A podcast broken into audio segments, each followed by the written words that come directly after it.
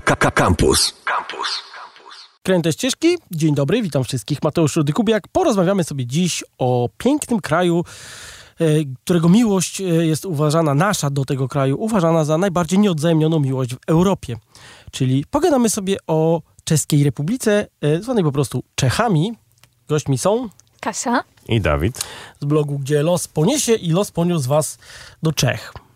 Tak, postanowiliśmy, y, mimo że już powiedzmy czasy pandemiczne pozwalają na zwiedzanie dalszych krajów niż tylko te sąsiadujące z Polską, postanowiliśmy zwiedzić y, miejsce, zwiedzić fragment Czech, którego kompletnie nie znamy i zostać tam około dwóch tygodni. Pojechaliśmy sobie na rowerach właśnie y, na, w północne Czechy. Ale no nie mów, że z Warszawy ci się chciało do Czech jechać rowerem, bo ja to bym siadł w pociąg i wysiadłbym w Czechach, a ta nuda przez Polskę to bym to odpuścił. No, oczywiście tak też zrobiliśmy. Ja w ogóle nie wiem, czemu ludzie zawsze myślą, że jak gdzieś jedziemy, no to e, jedziemy tam stąd, z Warszawy. Wiesz co, bo ja no. paru takich zaprosiłem maniaków, którzy uważali, że jak rowerem to trzeba, wiesz, rozumiesz, spod domu, jakbyś miał te 500 kilometrów robić po łące koło Grójca, to musi tak być, rozumiesz?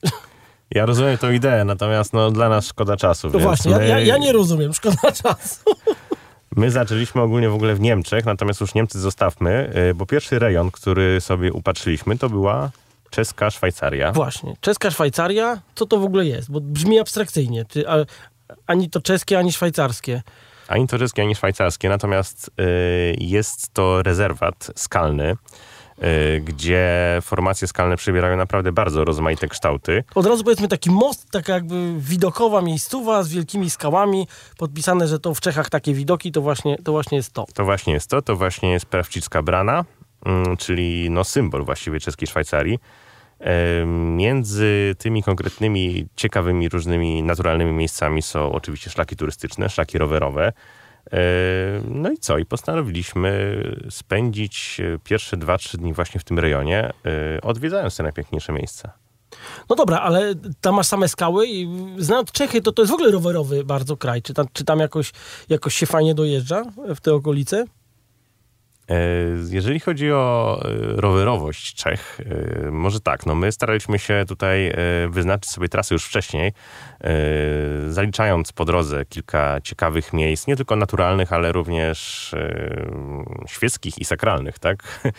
Biorąc pod uwagę, że w Czechach znajduje się około 2000 zamków, jeżeli dobrze pamiętam, a kraj jest Tak. sporo mniejszy niż Polska. Była tu pani przedstawiająca Czeską Izbę Turystyczną i co chwila mówiła, a to jest na liście UNESCO, a to jest na liście UNESCO. Ja się taki mały robiłem, jak tego słuchałem, z tymi wszystkimi zamkami. Eee, I co? Startując z, z Niemiec, mówię się, to tak jakbyś z rogu Polski mniej więcej startował, tak? Czy, czy, czy, czy, gdzieś głębiej? Trzeba się zapuścić, żeby dobrze do Szwajcarii czeskiej wjechać? Znaczy, my przy okazji upiekliśmy, że tak powiem, e, dwie pieczenie na jednym ogniu, no bo zaczęliśmy sobie z Drezna i wzdłuż Łaby wjechaliśmy sobie tak płynnie e, do Czech. E, Przejechaliśmy sobie tą czeską Szwajcarię. Troszeczkę przeszliśmy na piechotę, zostawiając rowery na kempingu i dalej już e, cały czas konsekwentnie na wschód w stronę Liberca, e, w stronę e, regionu Kralowo-Hradeckiego, tak jakby w miarę możliwości przy granicy polskiej, przez Karkonosze, y, przez y, masyw Śnieżnika. Y, Jeździliśmy i kolejne różne skalne miasta i inne atrakcje odwiedzaliśmy. No tak, a tam jest dużo skalnych miast i na przykład to, co mamy w Kudowie fajnego, to Czesi mają jakby trochę lepsze po drugiej stronie, tak można odnieść wrażenie. Subiektywne, oczywiście. Dobra, słuchajcie, ale o tej Szwajcarii, ja tam strasznie chciałem pojechać, kiedyś chciałem pojechać nawet na majówkę i dobrze że nie pojechałem, bo był tam taki tłok Polaków, podobno, że kolejki stały e, w tym czasie. Coś o tej Szwajcarii, jak to wygląda? Byliście od niemieckiej strony też, czy, czy, czy tylko od czeskiej? Byliśmy też od niemieckiej strony. Y, Co ciekawe, właśnie ta Szwajcaria y, to jest park narodowy graniczący, to znaczy graniczący, no leżący po dwóch stronach granicy. Y, W Niemczech nazywa się to sakson, saksońska Szwajcaria, bo to jest Saksonia. Natomiast no, w Czechach właśnie czeska Szwajcaria. Jest w pewnym sensie, są oczywiście podobieństwa, no bo jest to, że tak powiem, ta sama rzeźba terenu i podobne skały y, piaskowcowe przede wszystkim. Natomiast no, po stronie czeskiej y, chyba jest większa różnorodność, no bo ym, są też wąwozy. Jest na przykład y, bardzo piękny wąwóz rzeki Kamienica, który odwiedziliśmy na piechotę. E, jest no, sporo tych szlaków pieszych, które wyprowadzają na różne punkty widokowe. I wydaje mi się, że e, w Niemczech tak jakby te atrakcje, atrakcje są bardziej skon, y, skondensowane w jednym punkcie, czy w okolicach powiedzmy jednej, czy dwóch, czy trzech miejscowości. W Czechach jest to już większy obszar. E, a następnie udaliśmy się do kolejne, kolejnych ciekawych formacji skalnych, czyli do Aderszpachu i Teplickiego Skalnego Miasta. Można e, te dwa miejsca połączyć e, w jedną wycieczkę i zarezerwować sobie na to cały dzień, dlatego że tam formacje skalne naprawdę przechodzą ludzkie pojęcie. I to jest blisko Polski dość, z Bardzo tego co wiem, to można sobie podjechać. Tak, i właśnie jak mówiłeś o tych tłumach turystów z Polski, to mi się przede wszystkim e, skojarzyło z Aderszpachem, bo tam na parkingu e, same polskie rejestracje. A gdzie jest Aderszpach? Bo Teplice to kojarzę, bo to jest tak naprawdę tuż za granicą Polski, a Aderszpach? No właśnie, Aderszpach jest jeszcze bliżej tej granicy Polski. Okay. W sumie od Wałbrzycha, z tego co się orientujemy, to jest około 30-35 kilometrów w najprostszej, e, najprostszą drogą, najkrótszą, więc naprawdę bardzo blisko. Właściwie od samej granicy to chyba jest mniej niż 5 kilometrów.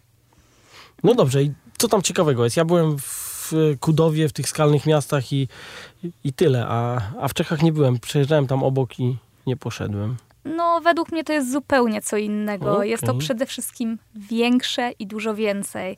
E, może nie można się jakoś bardzo zmęczyć podchodząc wysokościowo, e, ale odległościowo już bardziej. Bardzo polecamy w ogóle przejście z Zadrszpachu do Teplickiego Skalnego Miasta, bo wtedy możemy przyjanuszować na jednym bilecie.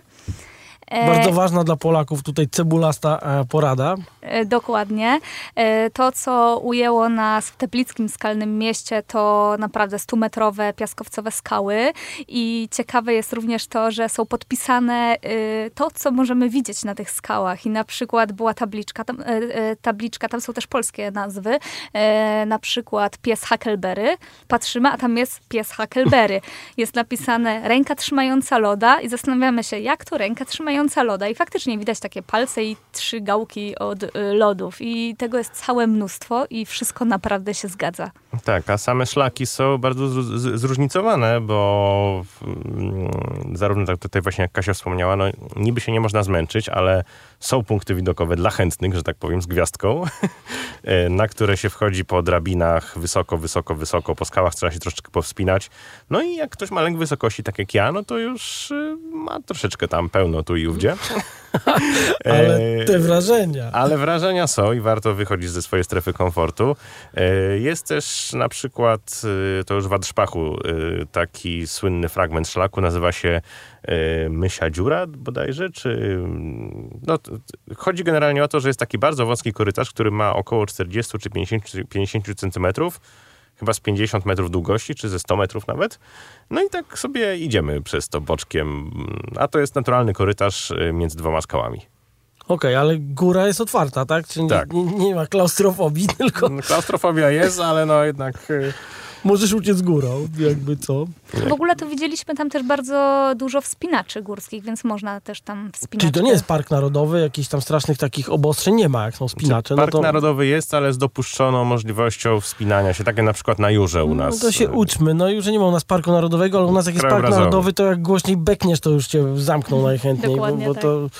Bo to jak na przykład jak byłem w Estonii, to w parkach narodowych masz coś takiego, że masz jeden kamień i masz drabinkę na ten kamień. Kamienie są wielkości, nie wiem, marketu u nas. Włazisz sobie na ten kamień, jest napisane na ten możesz wchodzić, a resztę zostaw, tak? Jest, albo jest jedno miejsce do kąpania się i się ludzie tam kąpią i nie kąpią się w innych. No a u nas po prostu musisz być bardziej święty niż święty park narodowy, także... No, to prawda. Niech się uczą. Dobrze. Mm, I e, Teplice i Aderszpach, gdzie to jest? Bo tam to są Teplice, to jest miasto samo, tak? Jedzie się do Teplic po prostu i się, i się idzie, tam wszędzie są strzałki, skalne miasto. Mm, a w drugim, do Aderszpachu, To jest właściwie rzut beretem, 5-6 kilometrów bardziej na północ i no nie można powiedzieć, że to jest miasto, to jest miejscowość. To jest y, miejscowość, gdzie chyba większą powierzchnię zajmuje parking przy Skalnym Mieście niż same zabudowania tego miasteczka. Natomiast y, co też jest ciekawe, można tam się dostać bardzo fajnie pociągiem. My zrobiliśmy w ten sposób, że w Adszpachu po kilku dniach jazdy zostawiliśmy rowery y, rano Wybraliśmy się na pierwszą całodniową wycieczkę po jednym i drugim skalnym mieście. Potem z Teplic sobie pociągiem wróciliśmy. do Adszpachu z powrotem, no i wsiedliśmy na rowery, pojechaliśmy szukać miejsca pod namiot. A czy to ten taki radosny szynobus? Dokładnie tak, tak zwany motorak, czyli, Motorek. czyli, czyli mały, śmieszny pojazd spalinowy 30-40-letni, który no, zabiera może z 30 pasażerów, ale jeździ regularnie, często i punktualnie. I nie trzeba było rozwalać starych torów, rozbierać, tylko puścić takie małe sprzęciki. Czesi myślą, oni zawsze mają jakby tak od pomysłu do wykonania mniej czasu i mniej głupich papierków niż to jest w Polsce. I chwała im za to. Słuchaj, Czechy to są taki, e, są znane jako kraj bardzo rowerowy, tak, ale ja często słyszę od ludzi, którzy tam poje, pojechali, że na przykład e, drogi rowerowe są lepiej u nas oznaczone e, niż w Czechach. Jak to było w waszym przypadku, jak tam w tamtych okolicach, gdzie byliście? No, powiem szczerze, że to zależy, bo były momenty, były fragmenty naszej wycieczki, gdzie te, gdzie, gdzie te szlaki, te ścieżki były regularnie oddzielone od ulicy, e, od jezdni, były oznaczone naprawdę fajnie. Natomiast no, w wielu przypadkach niestety pozostawało to, pozostawiało to oznakowanie do życzenia sporo i musieliśmy się posiłkować e, aplikacją. Przy okazji tutaj już muszę wspomnieć, że naprawdę bardzo fajna aplikacja, bardzo fajna mapa mapy czy czeska aplikacja. Tak, oni są dobrzy. Która jest, y, która się przydaje tak jakby no, zarówno turystom rowerowym, jak i y, samochodowym, jak i na trekkingu górskim, nie tylko w Czechach, ale i na całym świecie. No na Natomiast przykład właśnie jakbyście chcieli na Suwalszczyznę pojechać, to też mapy 3 spokojnie można polecieć i sprawdzą się. tak, to tak na marginesie. Natomiast same, y, same rowerowe szlaki wytyczone są fajnie, ale z oznaczeniem i z jakością utrzymania, no, bywa różnie. Tak to można powiedzieć w skrócie. My jeździliśmy nie tylko y, oczywiście po głównych atrakcjach turystycznych, ale musieliśmy się między innymi przemieścić, no bo spędziliśmy na rowerze dwa tygodnie, y, więc no, zrobiliśmy trochę tych kilometrów po Czechach w sumie, także no, bywało różnie. No, nie, nie, możemy tutaj czarować za bardzo. Znaczy na pewno też spotykaliśmy mało turystów rowerowych, bo jak wjechaliśmy z Niemiec, gdzie tam wszyscy jeżdżą na rowerach, tak wraz z granicą czeską skończyli się turyści rowerowi. To smutne bardzo. Ja myślałem, że Czesi to wszyscy na rowerach jeżdżą. Przynajmniej kiedyś tak. Może, aha, to może taki PR ich jest. Tak przed nami tak udają. Może PR, a może po prostu jeździliśmy po takich zadupiach, że no nie było tego za dużo. E, ale no na pewno było trochę kolarzy, było trochę e, rowerów MTB, przełajowców e, właśnie w tych górach. Natomiast tacy, tacy typowi sakwiarze jak my, objuczeni bagażami, namiotami, śpiworami, no to raczej, raczej domena Niemiec bardziej. Okej, no ale Niemcy to mają wszystkie wzdłuż wszystkich rzek puszczone te trasy. Oni to tak trochę na grubo już poszli. Tam trasa Renu, Wisły, znaczy tej Odry, Łaby, więc to, to, to tam to chyba wyższy poziom. No tam zdecydowanie, i- tam zdecydowanie wyższy poziom. Tam no, ja mam wrażenie, że zanim się kupuje w domu samochód dla nowego członka rodziny, to się kupuje rower przede wszystkim i sakwy, więc no tutaj, tutaj tak, zdecydowanie jeszcze trochę nam i Czechom brakuje do tego poziomu. No dobra, ale skupmy się na pięknych słowiańskich krajach z pięknymi słowiańskimi dziewczynami, bo jak wróciłem kiedyś z Niemiec do Czech, to chciałem słowiańską ziemię całować, jak zobaczyłem urodę e, pań, które tam były. Oczywiście... Mm, Niemcy, zobaczcie, zwróćcie uwagę, jaką mają na przykład Miss Niemiec. Miss Niemiec zawsze pochodzi z gdzieś, gdzieś krwi mieszanej jest, tak byśmy powiedzieli. Ale mieliśmy gadać o Czechach, tak? E, dobra, e, to jeszcze, jeszcze gdzie byliście? Tutaj mówicie o tej Szwajcarii i, i potem w stronę polskiej granicy, gdzie są te całkiem fajne miasta skalne. E, tak, no już o Adszpachu sp- wspomnieliśmy, natomiast chcielibyśmy jeszcze powiedzieć o takiej innej atrakcji, która w Czechach jest popularna, a jest ciekawa, jeżeli chcemy trochę pożyć aktywnie, czyli o e, rowerowych e, single trackach, o parkach rowerowych. Okej, dobra, słuchajcie, o, o tym to będzie długo, więc o single trackach zaraz powiemy i to jest naprawdę fajna rzecz, to wcześniej mieli Czesi niż my, to sobie powiedzmy. Po tym, jak się jeździ z sakwami i e, po atrakcjach turystycznych, doszliśmy do single tracków, które są bardzo fajną historią. Jak wam się jeździło po single trackach czeskich? To było bardzo ciekawe doświadczenie dla nas, bo oboje y, mieliśmy pierwszy raz y, w życiu okazję y, spróbować jeździć po takich single trackach. Zaczęliśmy od takiej góry Peklak. I tam naprawdę baliśmy się dosyć, bo mamy jednak rowery trekkingowe, jednak tam obsługa nas przekona, przekonywała, że to jest absolutnie dla każdego, że nie ma się czego bać, bo dzieci wjeżdżają. I faktycznie na samej górze jest bardzo dużo szlaków do wyboru o, w zależności od trudności. Ja widziałem coś takiego, że zjechało dwóch facetów na rowerach e, właśnie trekkingowych w Bielsku na, na, na, na ścieżkach i po, po chwili przeciało dwóch chłopaków na zjazdówkach i myślę, że każdy się bawił tak samo dobrze. Tak, no wiadomo, że tutaj e, trekkingowych rowerów trochę w cudzysłowie szkoda, no bo one nie są jednak produkowane e, na e, takie wibracje, tak, jak tutaj podczas Ale tam, zjazdów. tam nie były takie wygłaskane i, i, i ten, te, te, te Były traki. różne. Tak? Właśnie o to chodzi, że były różne. Dla każdego coś dobrego. Tak, no przede wszystkim wjeżdżało się na górę, mm, na 500-metrową górę bodajże, tylko no nie z samego zera, e, wyciągiem. Ja pierwszy raz w życiu widziałem wyciąg rowerowy. Wiem, że tutaj, e, że tak powiem, starzy wyjadacze się pewnie teraz e, podśmiechują, no bo no, my jesteśmy tutaj laikami, e, nie da się ukryć, dlatego zrobiło to na nas też takie bardzo duże wrażenie. Ale były haki e, na, na, na krzesełkach normalnie? Tak, tak, Okej. tak. Normalnie się wjeżdżało tak jak e, wyciągiem krzesełkowym z nartami, powiedzmy. E, I z góry już można było sobie zjeżdżać jedną z wielu, wielu tras. Akurat Peklak miał z tych tras około 30 km, z tego co pamiętamy. Natomiast w całym rejonie, i co ciekawe e, w Polsce też, ponieważ jest e, projekt ogólnie oplecenia północnych czeskich gór i południowych polskich Sudetów tutaj, jest wspólny i polsko-czeski, więc w Polsce też mamy, szczególnie w Kotlinie Kłodzkiej, kil- kilka takich parków. E, Ogólnie tych, tych wszystkich tras jest około 230 kilometrów, także no jest co robić w rejonie.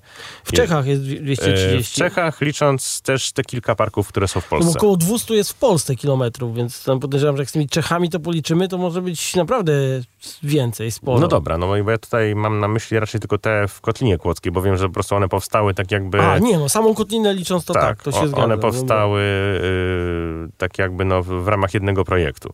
Natomiast my odwiedziliśmy jeszcze y, drugi park, mniejszy, ale bardziej konkretny, y, w Dolnej Morawie.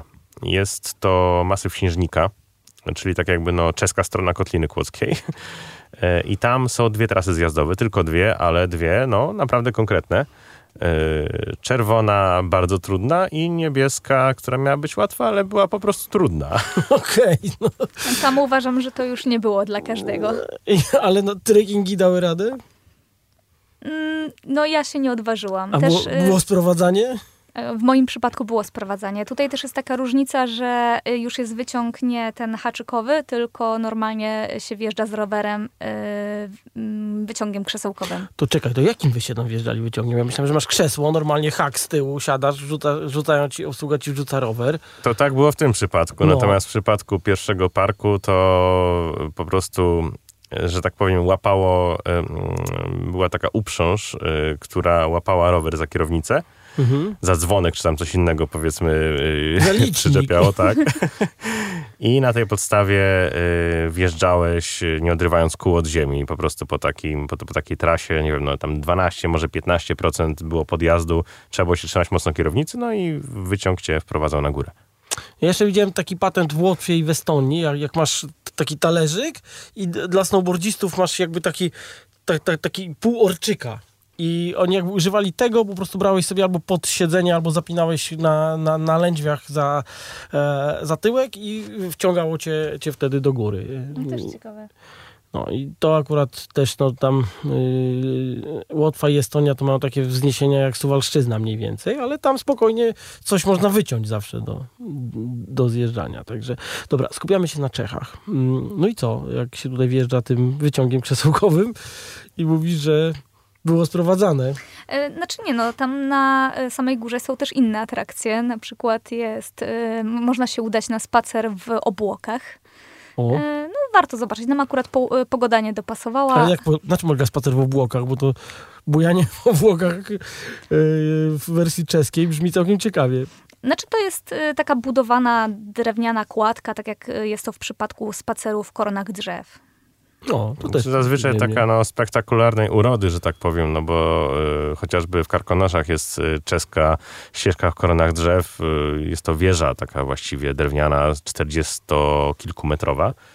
E, no, e, znaczy my mamy sceptyczne nastawienie troszeczkę do tego typu atrakcji, ponieważ no, jest to mocno, mocna ingerencja w krajobraz, w przyrodę, mm, a no, wejście na tego rodzaju e, ścieżkę kosztuje dość niemało. Jest to koszt około 40-50 zł od osoby, natomiast akurat y, one są w Czechach naprawdę fajnie zrobione, ponieważ są też bardzo edukacyjne, są dostępne dla osób niepełnosprawnych, więc y, każdy tutaj bez względu na, y, na, na wiek i swoją mobilność może skorzystać z tej atrakcji. Y, Więc my, biorąc pod uwagę, że byliśmy już tam na miejscu, staraliśmy się, y, staraliśmy się skorzystać z tych atrakcji kompleksowo, czyli poznać wszystko, co było w Zaradżu.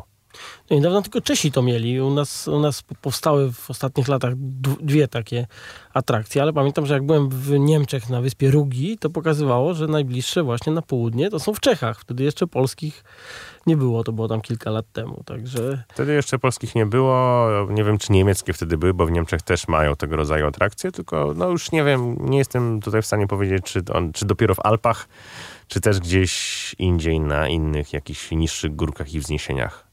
Jeździmy po Czechach. Ty zacznij, słyszałem, jak to powiedziałeś, e, więc Kasia, ciebie poprosimy w takim razie, jak zostać wywołana do tablicy, e, bo trzeba o kuchni powiedzieć. E, czasami się jeździ do Czech, jak nie ma żadnych atrakcji turystycznych, to chociaż się jeździ na obiad, tak? Bo ich kuchnia się różni, jest na tyle kaloryczna, że myślę, daje dużo siły przy kręceniu potem. No właśnie, niby sąsiedzi, a kuchnia totalnie No, inna. dokładnie. Tak jak powiedziałeś, właśnie y, tłusta i kaloryczna. Mi przede wszystkim y, zau zauważyłam te knedle zalane sosem. I to po prostu bomba, jak nie wiem. E, też ciekawe smaki, bo na przykład jest tak, taka potrawa, która się nazywa swiczkowa, tak, Dawid? O ile... Ja w ogóle Tak, nie tak, słyszałem, tak. ale chętnie się dowiem. To jest dość typowa potrawa. No, co to jest? Y, Jest to mm, mięsko, ale jakie to już nie pamiętam. Chyba, chyba jest to Nie no, Wieprzowina? tak. Mhm. Y, I sos jest słodki i często jest y, dodawana bita śmietana do tego, co jest... Mhm. Tak, albo, albo żurawina na, tym, na to jeszcze Mhm. kładziona. Natomiast oczywiście wszystko w omaczce, czyli, ta, czyli sosie gęstym, zajmującym cały talerz. I na Yy, knedlach? I na knedlach, oczywiście, przede wszystkim. I to jest takie absolutnie standardowe danie czeskie, czyli e, mięso, knedle plus sos. Bardzo rzadko do tego jest dodawana jakaś zielenina, jakaś sałatka. Trzeba sobie ewentualnie kupić jako oddzielne danie. Czy nie o to tu chodzi, no. przynajmniej my tutaj... Tak. Słuchajcie, ale czy jakoś się kuchnia różniła tam e, przy granicy niemieckiej? No bo jednak Cze- Czechy ma, mają taką trochę niemiecką tradycję w niektórych regionach, a tam jak to wyglądało? Znaczy, szczerze nie. My nie zaobserwowaliśmy tutaj jakichś naleciałości e, niemieckich. No jeszcze tam powiedzmy przy tej bramie prawcickiej można było zjeść wursta, ale no to już bardziej było, że nie kuchnia czeska, ale bardziej pod turystów niemieckich, którzy licznie odwiedzali czeską Szwajcarię. E, ale no, dość przypadkiem trafiliśmy na bardzo ciekawe danie. e, danie. E, Myślę, że Czechofile znają je bardzo dobrze, natomiast e, my nie wiedzieliśmy e, o tym, że Czesi marynują ser camembert. Mm, jak to? Marynują, tak? Marynują. no może i marnują, może on się nie nadaje do jedzenia w ogóle, więc chętnie posłucham o marnowaniu camembera, no. No tak, to jest przez ki- y, kilka y, tygodni marynowany w oleju ser camembert, y, zasypany solidną ilością cebuli i y, uwierz mi, zapach jest nie do wytrzymania. Okej, czyli dostajesz go w knajpie na talerzyku i wszyscy uciekają, tak? Ale podobno to jest... y, Co, nie próbowaliście? Próbowaliśmy, podobno bardzo dobre do piwa, aczkolwiek y, jeśli o mnie chodzi, nawet z piwem nie wchodziło. Okej, jak kiedyś jak przywiozłem ser z Czech, to moja żona powiedziała, że ty i ten ser śpicie na balkonie do spółki, po czym wynegocjowałem, że tylko ten ser śpi na balkonie. To był taki z dziurką, e, pamiętam, i taki mocno dojrzały. To polecamy ci danie właśnie, to konkretnie, które nazywa się nakładany hermelin, ponieważ hermelin to jest właśnie tutaj w, no, w uproszczeniu camembert e, na nasze. Mm, I wytrawne danie, bardzo ciekawe. Ten, ten zapach jest no bardzo, bardzo specyficzny. Ja jestem na przykład osobą wszystko żerną, a z tym miałem problem, chociaż potem zrobiliśmy sobie taki hermelin e, już w Polsce i no, już było lepiej. Także pierwsze koty za płoty ja i coraz łatwiej. polecam spróbować e, płetwę rekina e, z Islandii. To jest coś takiego, że jakbyśmy tutaj w studiu otworzyli, to e, połowa by dostała jaskry, a reszta by uciekła, żeby zwymiotować gdzieś w okolicach. A Islandczycy to jedzą i uważam, że to jest No właśnie wspaniałe. mnie zawsze zastanawia, że ktoś to je. Ludzie to jedzą, dają radę, więc no co, ja nie zjem? Dlaczego miałbym nie zjeść? Też muszę tutaj... No to polecam ci ten challenge. Myślę, że zgniłe szwedzkie śledziki to jest po prostu e, wuzetka z kremówką przy, przy, przy tej islandzkiej potrawie. Dobrze, słuchajcie, musimy kończyć, ale powiedzcie jeszcze, bo wy zawsze robicie zdjęcia, filmy i tak dalej, więc gdzie to można zobaczyć? E, Tak, no nasze filmy z Czech i wpisy mm, są dostępne na blogu, gdzie los poniesie, na kanale YouTube'owym też, gdzie los poniesie. Mamy tam właściwie y, cztery filmy traktujące zarówno o czeskich zamkach, jak i o czeskich parkach narodowych. No i o trudach i znojach naszych y, podjazdów w Czechach rowerowych. No, ale bo- i zjazdów z tego, co słyszałem. Na szczęście. Chyba było zrównoważone. Dobrze, dziękujemy. Zwiedzajcie Czechy, jest blisko i jak słyszeliście, fajnie. Gośćmi byli Kasia? I Dawid. z blogu Gdzie los poniesie, a to były zwyczajne, jak co sobotę, kręte ścieżki. Mateusz Ludy Kubiak. Do usłyszenia. Pa. Słuchaj Radio Campus, gdziekolwiek jesteś. Wejdź na www.radiocampus.fm.